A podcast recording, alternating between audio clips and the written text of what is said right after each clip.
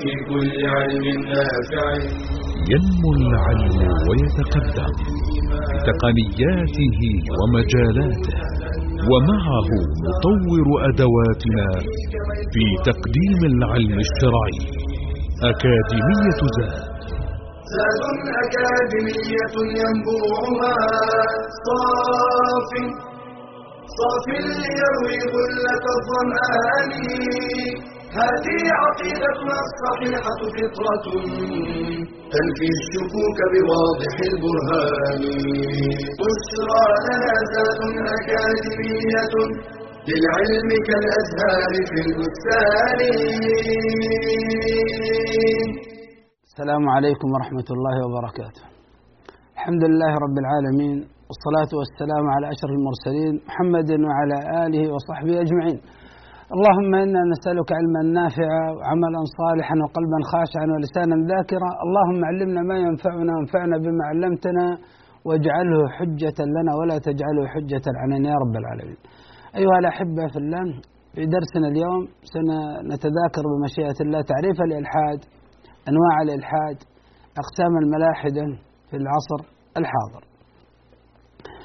تعريف الإلحاد الإلحاد في اللغة هو الميل والعدول والانحراف عن أصل الشيء.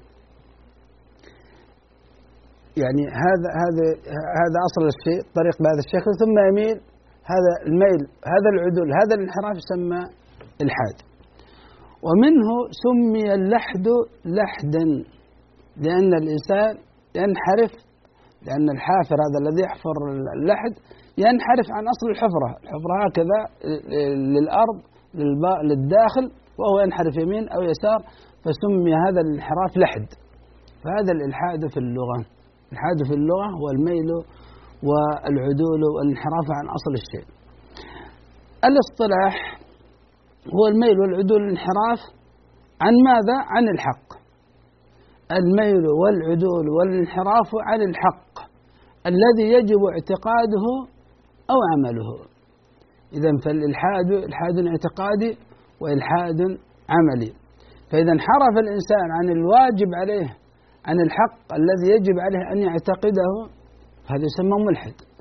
إذا انحرف الإنسان عن الحق الذي يجب عليه أن يعمله يسمى هذا ملحد. قال الله سبحانه وتعالى ولله الأسماء الحسنى فادعوه بها وذروا الذين يلحدون في أسمائه. يميلون عن الحق الواجب في أسماء الله سبحانه وتعالى وذر الذين يلحدون في أسمائه سيجزون ما كانوا يعملون. في عصرنا الحاضر إذا أطلق الإلحاد فإن المقصود به إنكار وجود الله سبحانه وتعالى وهو إلحاد عن الحق الواجب اعتقاده في أمر هذا الكون وأن هذا الكون لا بد له من خالق وأن هذا الخالق واحد وأن هذا الخالق هو المستحق للعبادة هذا كله يسمى إلحاد. ولذلك هذا قمة الإلحاد. قمة الإلحاد إنكار وجود الله سبحانه وتعالى. أنواع الإلحاد الإلحاد ينقسم إلى قسمين. إلحاد في آيات الله الكونية وإلحاد في آيات الله الشرعية. إلحاد في آيات الله الكونية أن تنكر أن هذه الآيات هذه المخلوقات تنكر أن تكون أن يكون لها خالق. تنكر وجود الله سبحانه وتعالى وتنسب خلق الكون وتدبير أمر هذا الكون لغير الله هذا إلحاد. نسبة خلق الكون وتدبيره لغير الله إلحاد. القول بأن مادة الكون أزلية العناصر الأربعة العناصر الخمسة وأن هذه المواد هذه العناصر أزلية ليس لها بداية وليس لها موجد. وأن قوانين طبيعة المادة الحرارة والبرودة الرطوبة واليبوسة قوانين طبيعة المادة هي سبب التغيرات في الكون. وهذه التغيرات في الكون أيضا هي سبب في تغيرات فكر الإنسان وفي مشاعره. هذا إلحاد في آيات الله الكونية. الله سبحانه وتعالى قد يعني جعل كل مخلوقات كل العالم هذا دليل على وجوده سبحانه وتعالى. حتى قال بعضهم الحمد لله رب العالمين العالم ما سمي عالم إلا لكونه علامة على وجود الله سبحانه وتعالى. فعندما تأتي إلى هذا العالم وتقول هذا العالم يعني أوجد نفسه بنفسه هذا العالم من غير خالق. طبيعة مادة هذا الكون هذا العالم مادته أزلية. طبيعة قوانين طبيعة المادة هي سبب تغيرات في الكون وفي فكر الإنسان ومشاعر هذا كله إلحاد في آيات الله الكونية. القسم الثاني إلحاد في آيات الله الشرعية. آيات الله الشرعية الكتاب السنة. فماذا تأتي؟ تميل وتعدل وتنحرف الميل والعدول والانحراف بالنصوص الشرعية عن الحق الثابت فيها. إما بتحريف سواء سماه الإنسان تأويل تكييف تمثيل تعطيل وغير ذلك أو عصيان. لا يمتثل. لا يمتثل للأوامر والنواهي الواردة في هذا في, في, في النصوص الشرعية. هذا يسمى عصيان. أو أنه يأتي إليها فيحرفها فهذا يسمى إلحاد. والإلحاد تارة يكون في الأخبار في الأمور العقدية وتارة يكون في الأمور الشرعية في الأوامر والنواهي. عرفنا معنى الإلحاد في اللغة في الاصطلاح. الإلحاد إذا أطلق في عصر الحاضر أخذنا أنواع الإلحاد. فما أقسام الملاحدة في العصر الحاضر؟ الملاحدة الآن سنتحدث عن الملاحدة الذين ينكرون وجود الله. الملاحدة في العصر الحاضر ينقسمون إلى قسمين. آه، أصحاب الإلحاد الإيجابي وأصحاب الإلحاد السلبي. هذه من مصطلحات الكتاب الذين كتبوا في عصر الحاضر عن آه، الإلحاد فاستخدموا كلمة الإيجابي والسلبي ومنهم الدكتور صالح سندي حفظه الله. عبر عن أقسام الملاحدة بهذا التعبير إلحاد إيجابي إلحاد سلبي. ماذا يقصدون بالإلحاد الإيجابي؟ أصحاب الإلحاد الإيجابي. أصحاب الإلحاد الإيجابي يزعمون أن لديهم نظريات يزعمون ذلك. أن لديهم نظريات تثبت عدم وجود الله. وهم يسيرون في اتجاهين. أصحاب الإلحاد الإيجابي يسيرون في اتجاهين. اتجاه فلسفي قائم على مناقشات فلسفية. واتجاه علمي قائم على مناقشات فيزيائية. كم عدد أصحاب الإلحاد الإيجابي؟ عدد أصحاب الإلحاد الإيجابي الذين يزعمون أن نظرياتهم تثبت عدم وجود الله هؤلاء قلة قليلة جدا. وإن زعموا وإن أظهروا ذلك لكن هم في قرارة أنفسهم يرون أن إلحادهم إلحاد سلبي. ما هو الإلحاد السلبي؟ الإلحاد السلبي هم الذين يقولون بأن الأدلة لا تثبت وجود الله. الأدلة التي يقولها المتدينون لا تثبت وجود الله. هؤلاء هم أغلب الملاحدة. والذين يزعمون أنهم من أصحاب الإلحاد الإيجابي هم في حقيقتهم إلحادهم إلحاد سلبي. لأن عندما تأتي تحاورهم يرى أن النظريات هذه التي يقولها الفلسفة أو الأشياء العلمية هي في الحقيقة لا تنكر وجود الله. لكن هو يزعم ذلك حتى يرتقي في نفسه حتى يكون داعية إلى الإلحاد داعية للإلحاد. لأن المتشكك لا يصلح أن يكون داعية. أتباع الهوى والشهوات ما يصلح أن يكون دعاء للإلحاد. فأصحاب الإلحاد السلبي هم الذين يقولون الأدلة التي يذكرها المتدينون لا تثبت وجود الله. والأدلة التي عندنا من من الفيزياء ومن النظريات العلمية ومن النظريات الفلسفية لا تثبت وجود الله. هم يزعمون هذا.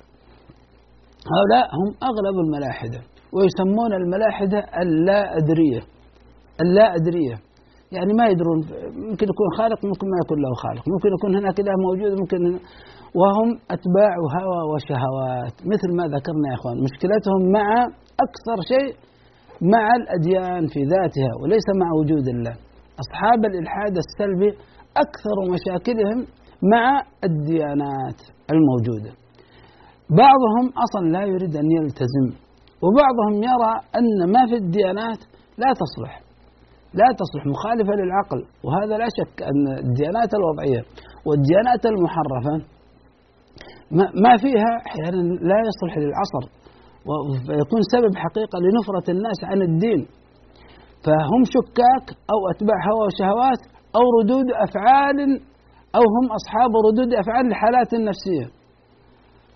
وبعضهم يقر بوجود الله لكن لا يقر يسمى هؤلاء الملاحدة الربوبيين. يقر بوجود الخالق لكن يزعم بأنه فني بعد وجوده أو لا علاقة له بخلقه. لذلك هم ضد الأديان الموجودة. إذا الملاحدة في عصر الحاضر أصحاب إلحاد يقولون بأن لديهم أدلة تثبت عدم وجود الله.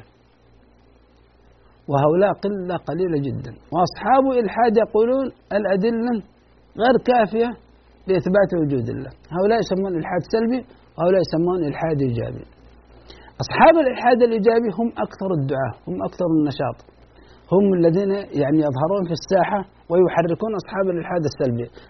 أصحاب الإلحاد السلبي ليس لهم دافع إلا مقاومة الأديان. ما في الأديان من موضوعات هم يناقشونهم فيها.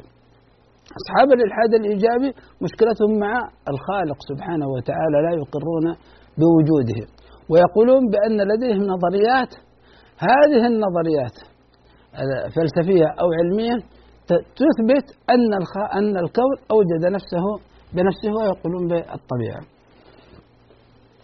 نريد يا إخوان نلخص المصطلحات التي مرت علينا في هذا المقطع. ما معنى الإلحاد في اللغة؟ هو الميل والعدول والانحراف عن طريق الحق. الإلحاد اصطلاحا هو الميل عن الحق الذي يجب اعتقاده أو عمله. الإلحاد في آيات الله الشرعية الميل بالنصوص الشرعية عن الحق الثابت فيها إما بتعريف أو عصيان. الإلحاد في آيات الله الكونية نسبة خلق الكون وتدبيره لغير الله.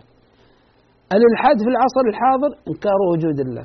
الإلحاد الإيجابي يزعم أصحابه لديهم أدلة تثبت عدم وجود الله. الإلحاد السلبي يزعم أصحابه أن الأدلة لا تثبت وجود الله. الملحد الربوبي يقر بوجود خالق لكنه يزعم بأنه لا صلة له بخلقه بعد أن خلقه أو فني بعد أن خلقه. طبعا هم لا يريدون الالتزام بما يقال أنه دين هذا الخالق الذي وضعه ويجب علينا أن نتدين به. ما أسباب ظهور الإلحاد؟ أيها الأحبة في الله تذكرون في الحلقة الماضية ذكرنا قضية الغرفة وباني الغرفة ونظام الباني لهذه الغرفة. تذكرون قلنا إما أن يكون هذا الشخص مجنون وهذا ننتهي منه أو غير مجنون فمشكلته إما مع باني الغرفة أو مع النظام. أغلب يعني أسباب الانحراف هو بسبب يعني التصورات الموجودة في بعض الديانات المنحرفة عن هذا الخالق وأيضا عن هذا النظام لهذا الخالق. ثم هذا يوجد في هذه الديانة ما يعارض مصالح الناس وحياة الناس واستمتاع الناس بالطبيعة. ثم وجد من يهيج هذا الخلاف ثم لم يأتي الدين الحق الموضح. نوضح هذه حتى تفهمون القضية في في أوروبا الديانة النصرانية ماذا تصور للناس الخالق؟ الخالق هذا عندهم أنه بشر أن هذا الخالق خرج من بطن امرأة وأن هذا الخالق مكون من ثلاثة آلهة من الأب والابن وروح القدس آه الأب له أعمال الابن له أعمال روح القدس له أعمال إله واحد لا شريك له. هذا أمر في التصور عن الخالق لا يقبله العقل. هذه مشكلة جعلت بعض الناس ينفرون من هذا الخالق. نأخذ فاصل ثم نعود إليكم نستكمل الموضوع.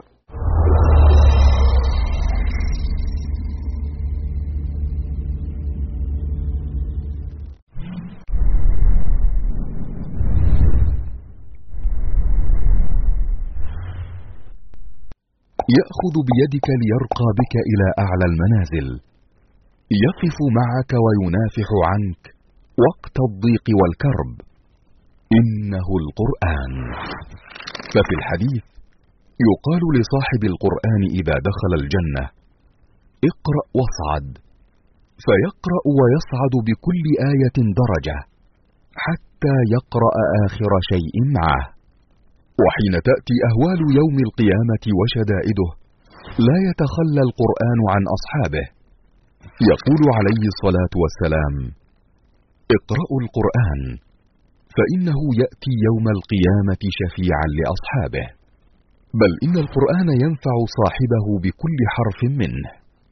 إن القرآن يرفعك وينفعك في الدنيا والآخرة. وفي الحديث من قرأ حرفا من كتاب الله فله به حسنة والحسنة بعشر أمثالها. لذلك استحق صاحب القرآن أن يغبط عليه. قال النبي صلى الله عليه وسلم لا حسد إلا في اثنتين رجل آتاه الله القرآن فهو يقوم به آناء الليل وآناء النهار ورجل آتاه الله مالا فهو ينفقه آناء الليل وآناء النهار. فكن مع هذا الصاحب الوفي وعش في رحابه فأنت في صفقة رابحة وتجارة لن تبور.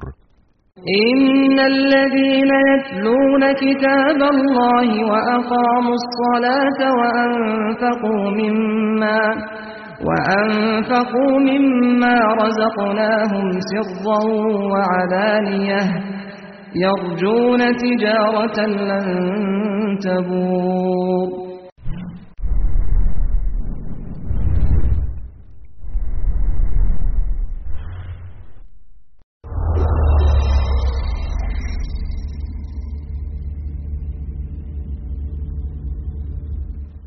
حياكم الله أيها الأحبة.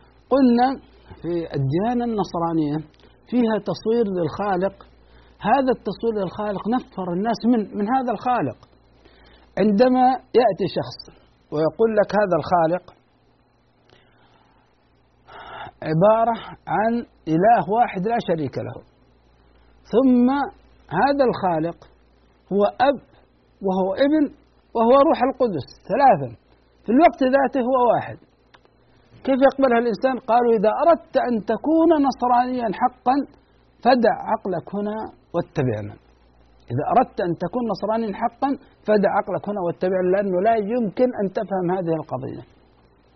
ثم يقولون هذا الخالق شوف كيف التصوير المنفر هذا الخالق خلق آدم وحواء ثم حرم آدم من أن يأكل من شجرة المعرفة. مشكلة هذه. ثم عندما أكل آدم من شجرة المعرفة رغم أنه تاب وندم وتاب الله عليه أنه بقي محملا بالخطيئة وأورثها للأجيال لأبنائه كلهم. فكل مولود يولد محملا بالخطيئة. العقل يقول طيب الابن لم يخطئ؟ الذي أخطأ هو الأب. والأب تاب واستغفر والله قبل توبته. والله سبحانه وتعالى عاقبه. فأنزله أرضه. فلماذا تبقى هذه الخطيئة يحمل بها هؤلاء الأولاد؟ هنا العقل لا يقبل مثل هذه الأشياء. ثم يقولون وهذا الأب هذا الخالق من رحمته يريد أن يرحم عباده ومن عدله لا بد أن يعاقبهم. يعاقبهم على ماذا؟ يعاقبهم على شيء لم يعملوه. لكن من عدله أن يعاقبهم ومن رحمته أن يعفو عنهم. فماذا صنع؟ أنزل ابنه وابنه الوحيد. أشياء يعني يبدأ الإنسان ينفر منها. أنزل ابنه الوحيد في الأرض. فماذا ليصلب هذا الابن الوحيد؟ فإذا صلب يتحمل عن كل من تبعه وآمن به يتحمل هذه الخطايا عنهم فهذا الصلب لهذا الابن يعتبر كفارة لكل الأبناء الذين آمنوا به. والذي لم يؤمن به يبقى محملا بالخطيئة وله نار جهنم. فمن عدل الله أن صلب ابنه الوحيد من أجل أن يتحمل خطايا من آمن به وأتباعه ويصبح لهم الخلاص. يخلصون من هذه الخطيئة التي حملوا بها فيدخلون الجنة. والذي لم يؤمن لا خلاص له. لم يؤمن هذا الابن آه ومن رحمته فمن رحمته يعفو عنهم بسبب إيمانهم المسيح ومن عدله أن عاقب ابنه الوحيد. هذه الأمور كيف يتصورها الإنسان؟ كيف يقبلها الإنسان؟ كيف يقبل هذا الصلب؟ ويقبل هذا الفداء؟ ويقبل هذا التثليث؟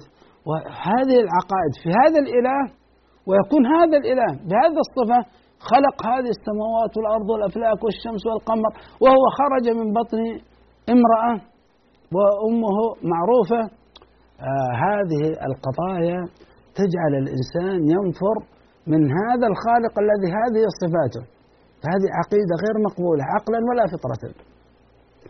ثم يا أخوان انظروا لأمور الشريعة. أمور الشريعة يأتون فيجعلون أن الدنيا والآخرة طريقان متوازيان. إما أن تكون مع أهل الدنيا أو تكون مع مع أهل الآخرة. وأن هذه الدنيا وما فيها من ملذات محرم عليك وأمور سيئة الزواج سيء الأكل سيء الشرب سيء ولو استطعت أنك تحارب هذه النوازع الفطرية التي فيك لتنتقل للآخرة. فشوهوا أمور الدنيا وأن هذه الحياة حياة سيئة وأنه كذب. هذا الإنسان العاقل يقول لا نتمتع بالطبيعة. نتمتع بهذه الخيرات نتمتع في الأرض من مأكولات من طيبات من من شراب من زواج من لذلك يا إخوان نحن ننبه هنا ولعلنا نستطرد هنا وننبه أن رسولنا صلى الله عليه وسلم قد حذر من هذا الفكر أشد التحذير الانقطاع الكلي عن الدنيا وتحريم طيبات هذه الدنيا هذا مما جاء الشرع بالنهي عنه. قل من حرم زينة الله التي أخرج لعباده والطيبات من الرزق قل هي للذين آمنوا في الحياة الدنيا خالصة يوم القيامة. تعلمون قصة الحوار الذي دار بين الأخوين في الله من صحابة رسول الله صلى الله عليه وسلم؟ دار الحوار بين سلمان وبين أبي الدرداء. وقد آخى بينهما النبي صلى الله عليه وسلم في بداية الإسلام الأخوة المعروفة بين المهاجرين والأنصار. فعندما زار أبو زار سلمان أبا الدرداء في بيته فوجد زوجته متبذلة يعني مثل حال الأرملة التي مات زوجها. الأرملة إذا مات زوجها تبدأ تترك الزينة تترك الأشياء تراها متبذلة. فقال ما شأنك؟ قالت أخوك أبو الدرداء ليس له حاجة في الدنيا. وبعض الروايات في نساء الدنيا. يعني خلاص هو يريد يعني ماذا بقي له في في هذه الدنيا؟ بقي بدنه. وإلا هو أصلا في جملة الأموات في اليوم الآخر. وهو يصوم ويقوم الليل ولا يتمتع بالطيبات ولا يأكل ولا يشرب يعني إلا ما يسد رمقه ولا يأتي النساء. آه. فعندما جاء أبو الدرداء وصنع لسلمان طعاما قال له كل فإني صائم. أبو الدرداء يقول له كل أنت ما أنا فأنا صائم فاعذرني. لكن كل أنت. قال لا آكل حتى تأكل.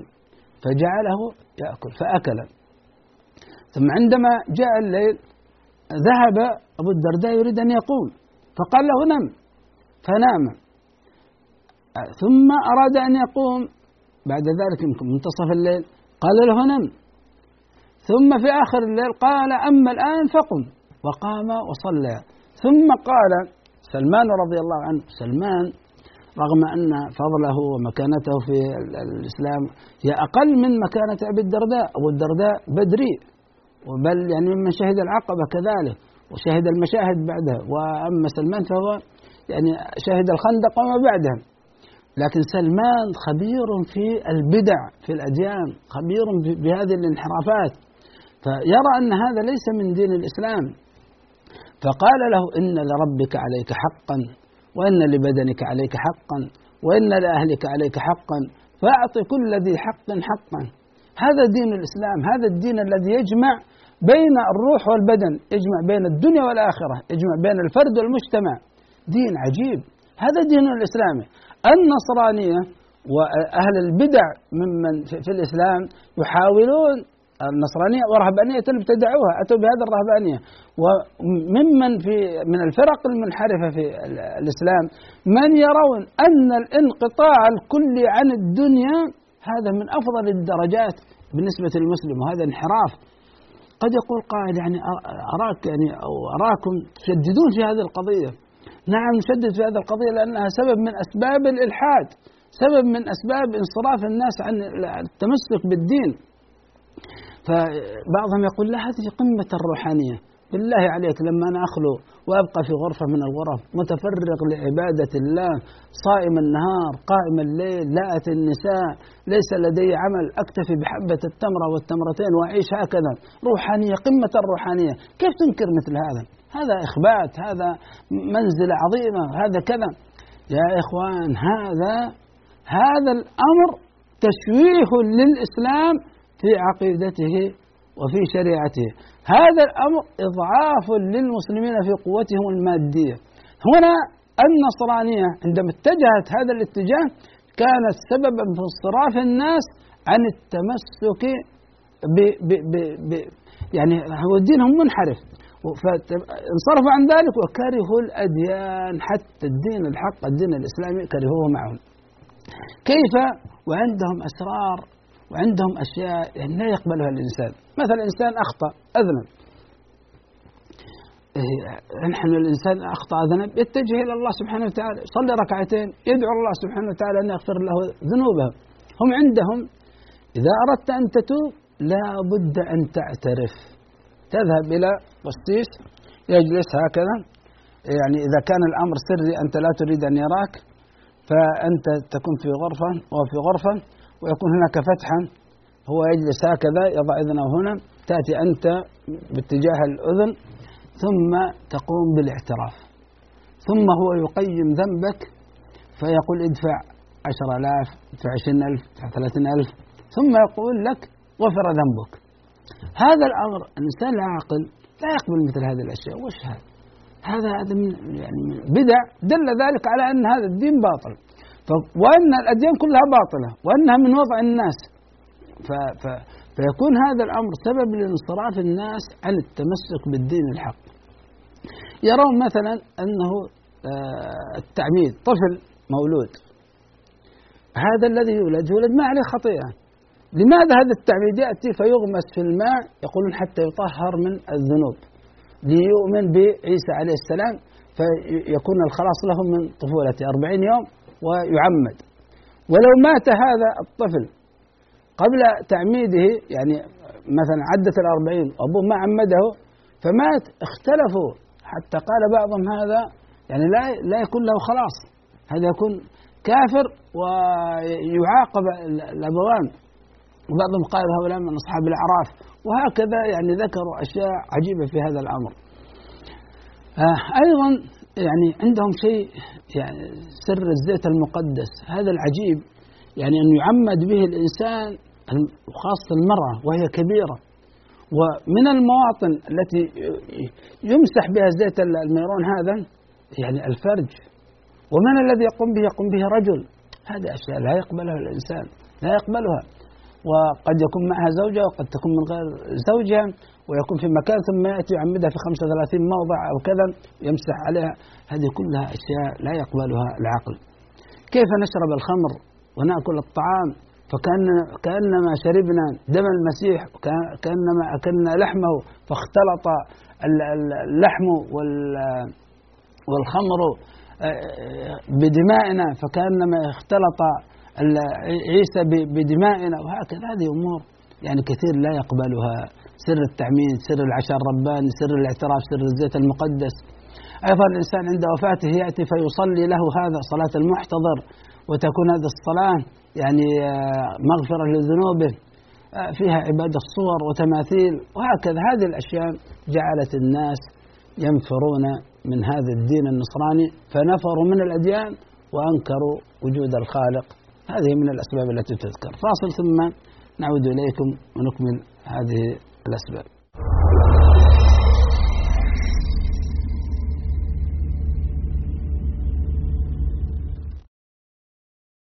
من أعظم الأخطار التي تهدد المجتمع وتجعل بناءه هشا ضعيفا. جهل المرأة بما تحتاج إليه من أمور دينها ودنياها وشؤون حياتها فهي الساعد الآخر لبناء المجتمع. فالمرأة الجاهلة لا يمكنها القيام بتربية صحيحة أو إعانة لأبنائها على التعلم والرقي بل ربما أنشأتهم على أفكار خاطئة أو معتقدات فاسدة. فبالجهل تتبرج المرأة فتفتن نفسها وغيرها. وبالجهل تضيع المرأة حق زوجها وتنفره من البيت فيتفرق شمل الأسرة. وبالجهل وقعت كثير من النساء في الخرافات والسحر والشعوذة. فالواجب على المرأة أن تحرص على طلب العلم وألا يمنعها الحياء من ذلك. فإنه لا حياء في طلب العلم كما قالت أم المؤمنين عائشة رضي الله عنها نعم النساء نساء الأنصار لم يكن يمنعهن الحياء أن يتفقهن في الدين. مجموعة زاد تقدم لكم نخبة مميزة من إصداراتها. كتاب كيف عاملهم صلى الله عليه وسلم للشيخ محمد صالح المنجد. أربعون نصيحة لإصلاح البيوت. أدرك أهلك قبل أن يحترقوا. المجمعات التجارية. زاد الحج. زاد الصائم. طوبى للشام. كيف تقرأ كتابا؟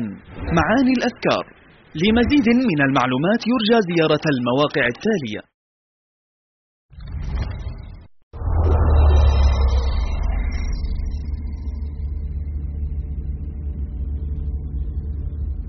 حياكم الله أيها الأحبة في الله.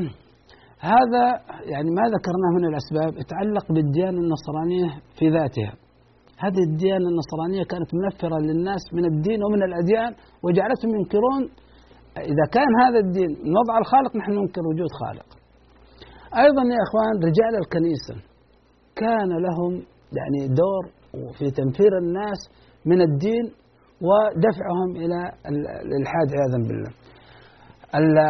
رجال الكنيسة أول شيء جعلوا أنفسهم وسطاء بينهم وبين الله. وهذا الذي نحذر منه نحذر منه أن أن يكون في دين الإسلامي فبعض الناس يرى أنك إنسان مذنب مقصر مخطئ. لا يمكن أن تأتي إلى الله مباشرة فتقول يا الله اغفر لي. طيب ماذا تصنع؟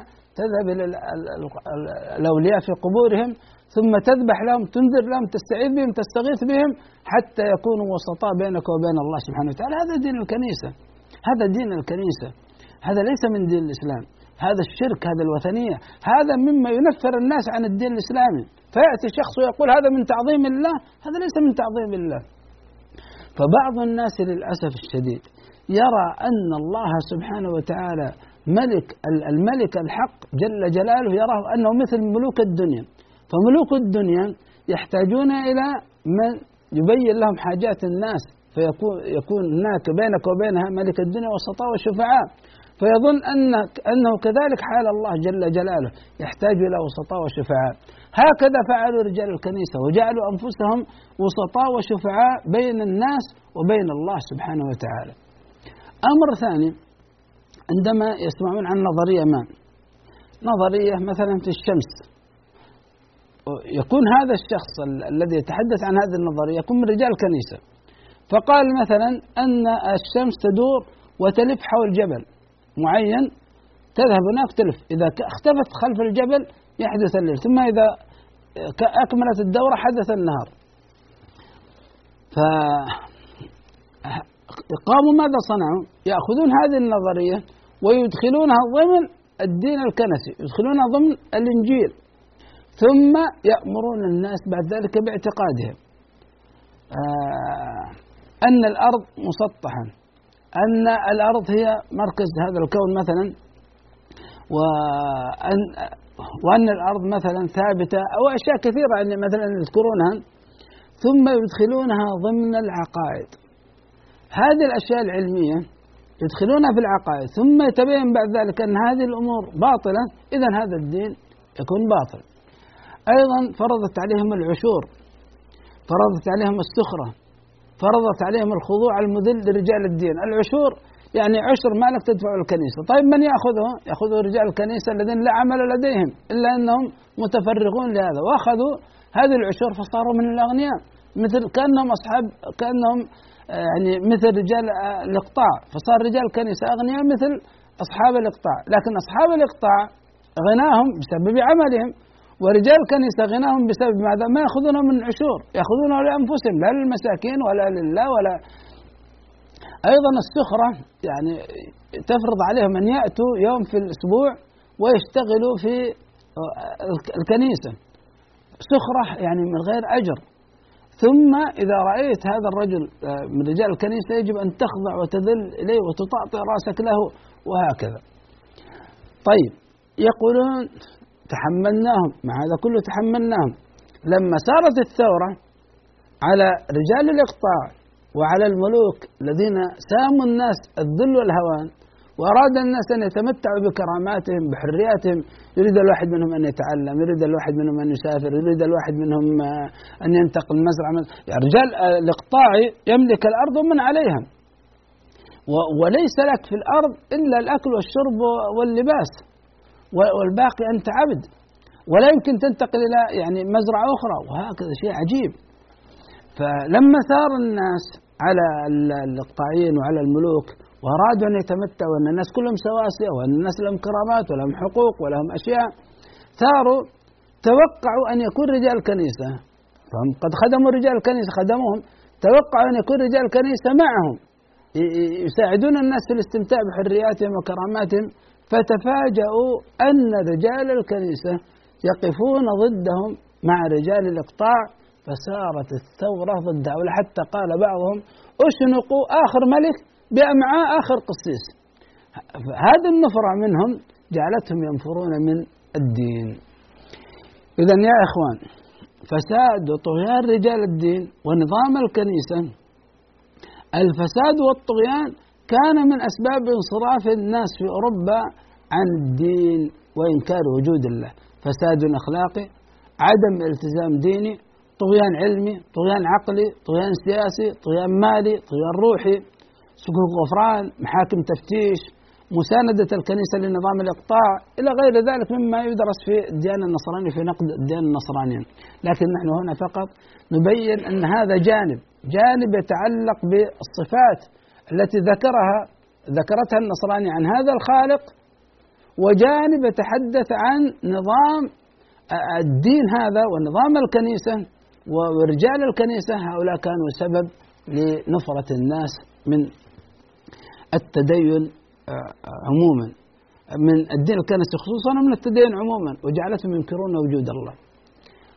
ليس هذا فحسب بل أصبح الدين الكنسي والكشوف العلمية المكتشفات العلمية صار بينهم صراع. مثل ما ذكرنا لكم أحضروا هذه النظريات هذه الفلسفات التي حدثت في القديم ثم أدخلوها ضمن الدين. فصار كل كشف يعارض هذه المعتقد يعارض النظرية التي أدخلوها ضمن عقائدهم.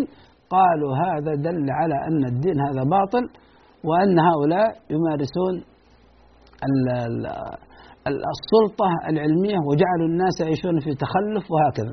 فكلما اكتشف مكتشف علمي وكان هذا المكتشف العلمي مخالف لمعتقد نصراني قالوا هذه الديانات باطلة. لذلك ذكر الدكتور جعفر إدريس جملة يعني من الأمور التي جعلت الناس تحت هذا الأمر جعلت الناس ينفرون في الغرب من الدين الكنسي. أول شيء وجدوا التناقض الشديد. بين كثير من دعاوى الدين من الدعاوى التي أدخلوها ضمن الدين ومن التناقض الشديد بين دعاوى الدين والعلم التجريبي الذي اكتشفوه. أيضا وجدوا تناقض بين منهج العلم التجريبي القائم على الدليل الحسي أو العقلي ومنهج دينهم التسليمي. منهج دينهم دع عقلك واتبعنا المنهج العلمي التجريبي لا تؤمن بشيء حتى يعني يقوم عليه الدليل الحسي التجريبي. فقالوا هذا هذا صح. إذا هذا العلم وهذا الدين. دين قائم على التسليم. والعلم قائم على التجربة. أيهما نختار؟ أيهما نختار؟ وجدوا أن هذا بينهما تناقض. لا يمكن أن يأخذ بهما معا ولا يمكن أن يردهما معا. فاختار أن أن يأخذ العلم. طبعا هذا وصلوا إلى مراحل في البداية. كانوا يقالوا أن هذا يكون في المجال الغيبي وهذا يكون في المجال الأرضي. لكن وصل بهم الأمر في آخر الأمر قالوا نحن نترك الدين ونتمسك بالمنهج الحسي التجريبي. كذلك آه، خوض كثير من علماء الدين وغيرهم آه، خوض كثير من علماء الدين وغيرهم من المثقفين المتدينين في المسائل الغيبية والحديث عنها بمجرد الرأي الذي لا سند له من كتابهم ولا دليل عليه من غيره. فيأتي يتحدث عن أمور غيبية. هذه الأمور الغيبية العقل ينفر منها ويقول هذه غير صحيحة وليس لديهم دليل عليها لا من الكتاب الذي عندهم ولا من يعني من العلوم التي تدل عليها. هذه الأمور تجعل الناس ينفرون جعلت الناس ينفرون من الدين. أيضا بعض العلماء الطبيعيين منهم من هو متدين. ماذا صنع؟ اكتشف شيء أو أو ظهر شيء حسي تجريبي من الأدلة. يأتي إلى نصوص التوراة نصوص الإنجيل ثم يلويها لويا لتثبت هذا المنهج الحسي لتثبت ما قالته النظرية وأن هذه النظرية موجودة عندهم في الكتاب. لما يتأملها شخص يقول له هذا ما تدل عليه ما تدل عليه. أو يأتي بعد فترة ويبطل هذا المكتشف وهذه النظرية تكون باطلة. قالوا وذاك قال أن الدليل في التوراة والإنجيل يقول بها ثم ظهر أنها باطلة. إذا فهذا هذا النص فهو باطل. أيضا في شيء مهم. قام في أذهان الناس أن الإيمان بوجود الخالق مرتبط بتصورات معينة للدنيا. مثلا أن الأرض مسطحة. والعلم أثبت أن الأرض بيضاوية.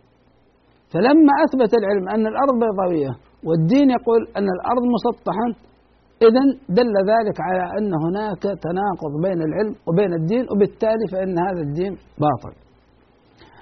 أيضا عندهم كلما اكتشفوا قانون أو مثلا السبب مثلا لماذا يحدث الخسوف والكسوف اكتشفوا السبب وهناك مثلا في, النصوص مثلا مذكور أن الله سبحانه وتعالى هو الذي يصرف الليل والنهار وهو الذي يصرف ويدبر أمر هذا الكون.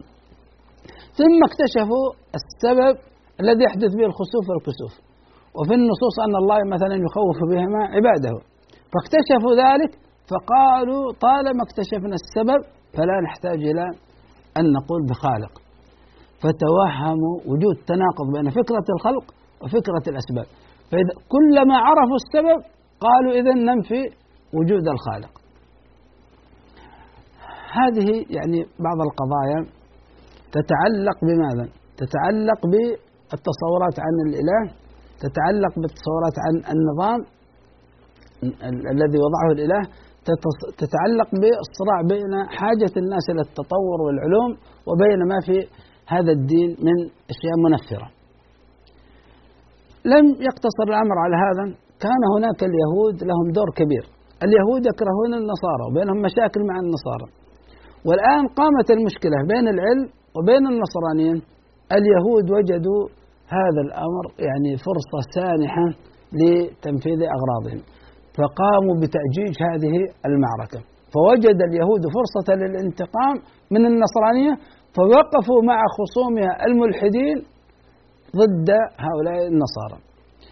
هذا من جهة. من جهة أخرى اليهود يخططون لإقامة ما يسمونه مملكة داود. على مملكة داود هذه لا تقوم إلا إذا انتهت الأديان والحكومات العالمية. ثم بعد ذلك يكون اليهود هم. فيرون أنه حتى تقوم مملكة داود لابد أن يفسد الأم الأمم تفسد الأمم جميعا. وغير اليهود يفسدون ويبتعدون عن الدين وعن الأخلاق وينتشر بينهم الانحلال وينتشر بينهم الإلحاد عندئذ يمكن أن تقوم مملكة داود. لذلك كان أغلب زعماء المذاهب الإلحادية الهدامة كان أغلبهم يهودا. كما أن اليهود يستخدمون المال والدعاية لنشر الإلحاد والفساد في العالم أجمع نلخص دور اليهود في نشر الإلحاد. الدور الأول أنهم يؤججون الصراع بين الملاحدة وبين النصارى. فهذا دور من جهة للانتقام من النصرانية.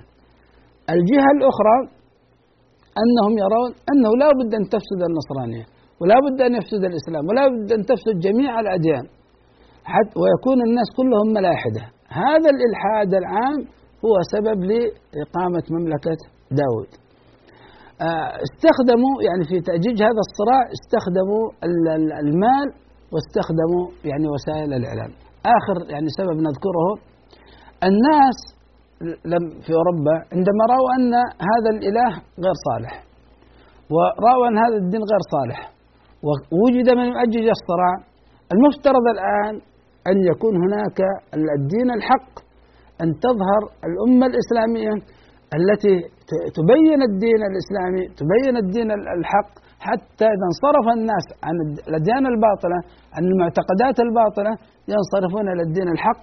لكن للأسف الشديد كانت هذه الأمة الإسلامية التي حباها الله بالهداية للدين الحق الذي ليس فيه شيء من تلك المآخذ التي أخذها الغربيون على الدين الذي عرفوه. واقعة الأمة الإسلامية واقعة في معظمها تحت تأثيرهم. كان الاستعمار يضرب على الأمة الإسلامية. لم يروا أن الأمة الإسلامية قادرة على أن تتحداهم بفكرها أو تريهم الفرق بين دينهم ودينها ففتنهم ذلك إلا من رحم الله فعن يعني التمسك بالدين الحق. كما يقول الدكتور جعفر إدريس تخلفنا ليس تقصيرا في حق أنفسنا فحسب وإنما هو فتنة للأمم المتطورة ماديا يغريها بالتمادي في كفرها وإلحادها. إنه ظلم للإنسانية يفوت عليها فرصة الاهتداء والسعادة الدنيوية والأخروية.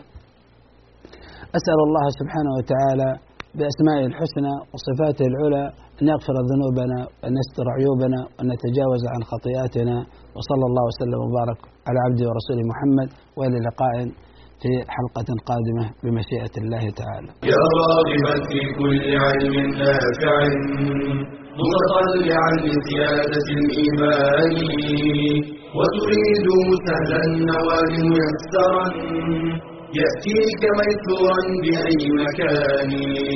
زاد زاد أكاديمية ينبوعها صاف. صاف ليروي غلة الظمآن. هذه عقيدتنا الصحيحة فطرة. تنفي الشكوك بواضح البرهان. بشرى لنا ذات أكاديمية للعلم كالأزهار في البستان.